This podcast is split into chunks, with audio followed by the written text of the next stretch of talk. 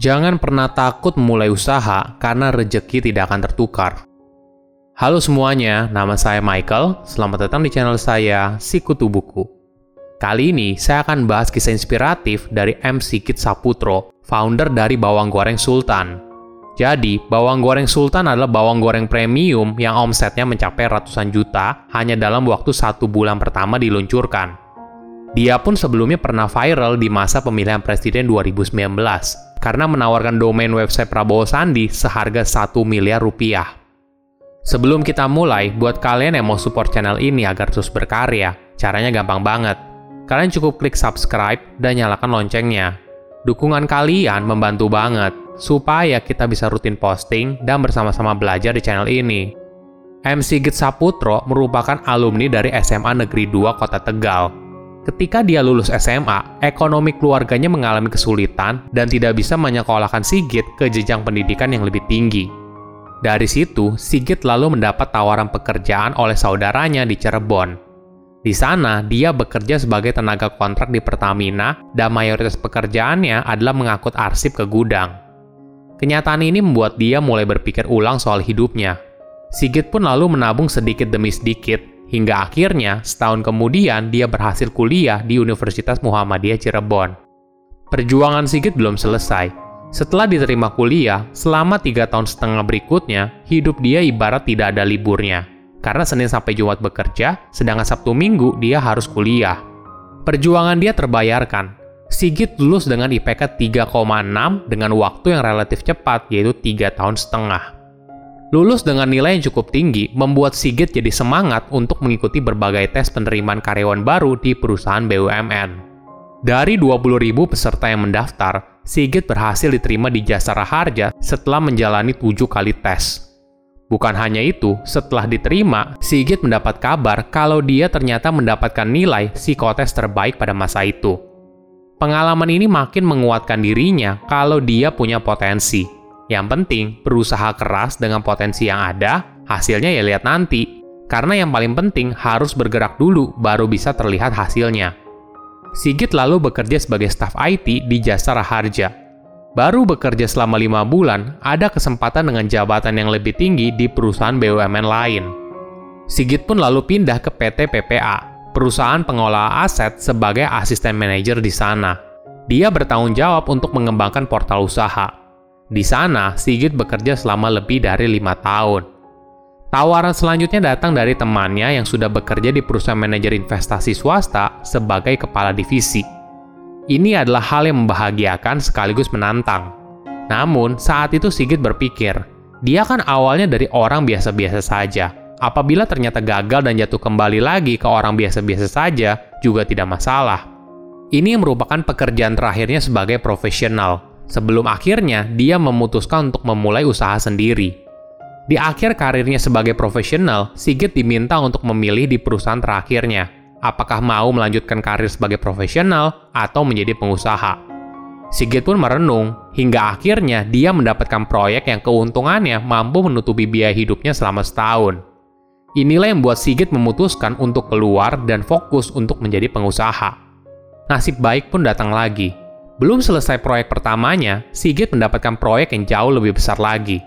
Ini merupakan hal yang tidak disangka, karena semua hal ini dia dapatkan atas kemampuannya menguasai pencarian Google. Ketika umurnya semakin bertambah, Sigit pun mulai berpikir apa yang mau dia lakukan ke depannya. Dia merasa keahlian paling penting yang harus dikuasai adalah berjualan. Jadi, itulah yang membuat dia fokus menekuni dunia SEO. Hingga akhirnya Sigit mampu membuat simulasi SEO untuk jasa programmer di internet. Sehingga apabila ada orang yang mengklik website organik tersebut, pasti itu adalah nomor kontaknya.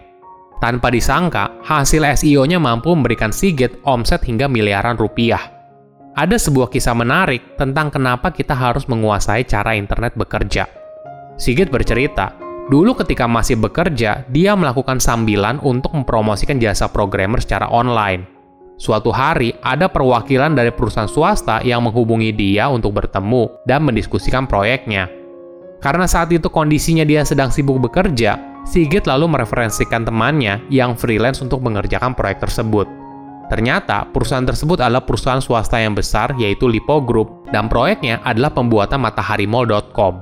Inilah yang membuat Sigit sangat kagum atas dahsyatnya sebuah internet. Jika kita menguasainya, maka dari situ kita bisa mendapatkan proyek yang besar. Saat ini, Sigit merupakan pendiri dari ERP Indonesia yang merupakan perusahaan berbasis teknologi yang menjual sistem untuk mengoptimalkan alur bisnis dan perdagangan, sehingga mampu mencapai tingkat efisiensi dan produktivitas yang optimal. Jadi, sistem ini mencakup produksi, logistik, e-commerce, sumber daya, retail, dan distribusi. Namun, ketika kondisi pandemi COVID-19 melanda Indonesia, Sigit pun mencari peluang bisnis yang lain, yaitu ke retail online. Dari situ, dia lalu mempelajari produk apa yang bisa dikonsumsi segala jenis usia dan mudah dikirim baik nasional maupun internasional. Hingga suatu hari, Sigit sedang makan di sebuah rumah makan Cirebon dan ada menu bawang goreng. Ini bukan sembarang bawang goreng. Setiap kali Sigit makan di sana, pasti dia akan selalu menambah menu bawang goreng. Kejadian ini menginspirasi Sigit untuk menciptakan bawang goreng premium yang super enak, sehingga produknya dinamakan bawang goreng sultan. Hingga akhirnya produknya bisa laku ratusan juta selama sebulan dan bahkan produknya diminati oleh para tokoh di Indonesia, misalnya Sandiaga Uno, Helmi Yahya, Susno Duaji, dan sebagainya. Ada beberapa pelajaran bisnis dari perjalanan hidup Sigit. Pertama, pengusaha harus langsung turut tangan. Walaupun kelihatannya jalan Sigit sebagai pengusaha sangat lancar, namun sepanjang jalan dia pernah mengalami berbagai kegagalan. Salah satunya yaitu saat dia sempat berbisnis warung bakso. Bisnisnya gagal karena Sigit terlalu mengandalkan orang lain dan dia sendiri tidak menguasai bisnis bakso secara menyeluruh. Misalnya, dia sendiri juga tidak mau dan tidak bisa membuat bakso. Itulah yang membuat bisnisnya lalu tutup. Kedua, menguasai SEO Google. Di zaman sekarang, semua orang pasti mencari informasi dari Google apa yang disarankan oleh Google melalui pencarian merupakan informasi yang dianggap terpercaya oleh kebanyakan orang. Inilah rahasia bisnis dari Sigit. Misalnya saja, dia melakukan lokal SEO. Jadi, dia membuat konten dengan kata pencarian sangat lokal dan menandai lokasinya di sana. Sebagai contoh, ketika membuat website jasa programmer, dia menuliskan beberapa konten yang sangat lokal, misalnya jasa programmer Jakarta Timur, Bukan hanya itu, dia juga menandai lokasinya sehingga informasi ini mempermudah Google untuk memahami isi kontennya apa dan akhirnya menyarankannya di kolom pencarian. Ketiga, harus riset produk. Sigit menceritakan rahasia kenapa bisnis bawang gorengnya laku keras sejak awal diluncurkan. Dia bilang kalau sebelumnya dia sudah melakukan riset produk secara mendalam. Sebagai contoh, Sigit menggunakan bawang merah premium dan ditanam di Probolinggo varian biru lancor dengan standar ekspor. Informasi ini sudah dia riset dulu sebelumnya. Jadi, produknya bukan hanya sekedar bawang goreng, tapi Sigit bisa memastikan kalau dia menggunakan kualitas bahan baku yang terbaik. Keempat, harus punya diferensiasi. Banyak orang bilang kalau jualan produk komoditas maka sulit bersaing.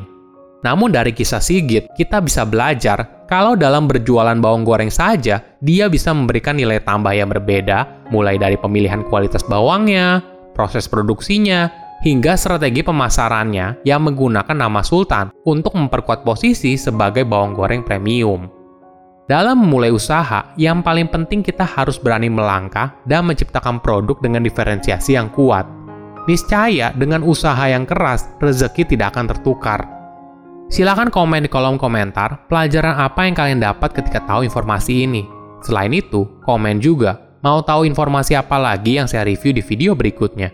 Saya undur diri, jangan lupa subscribe channel YouTube Sikutu Buku. Bye bye.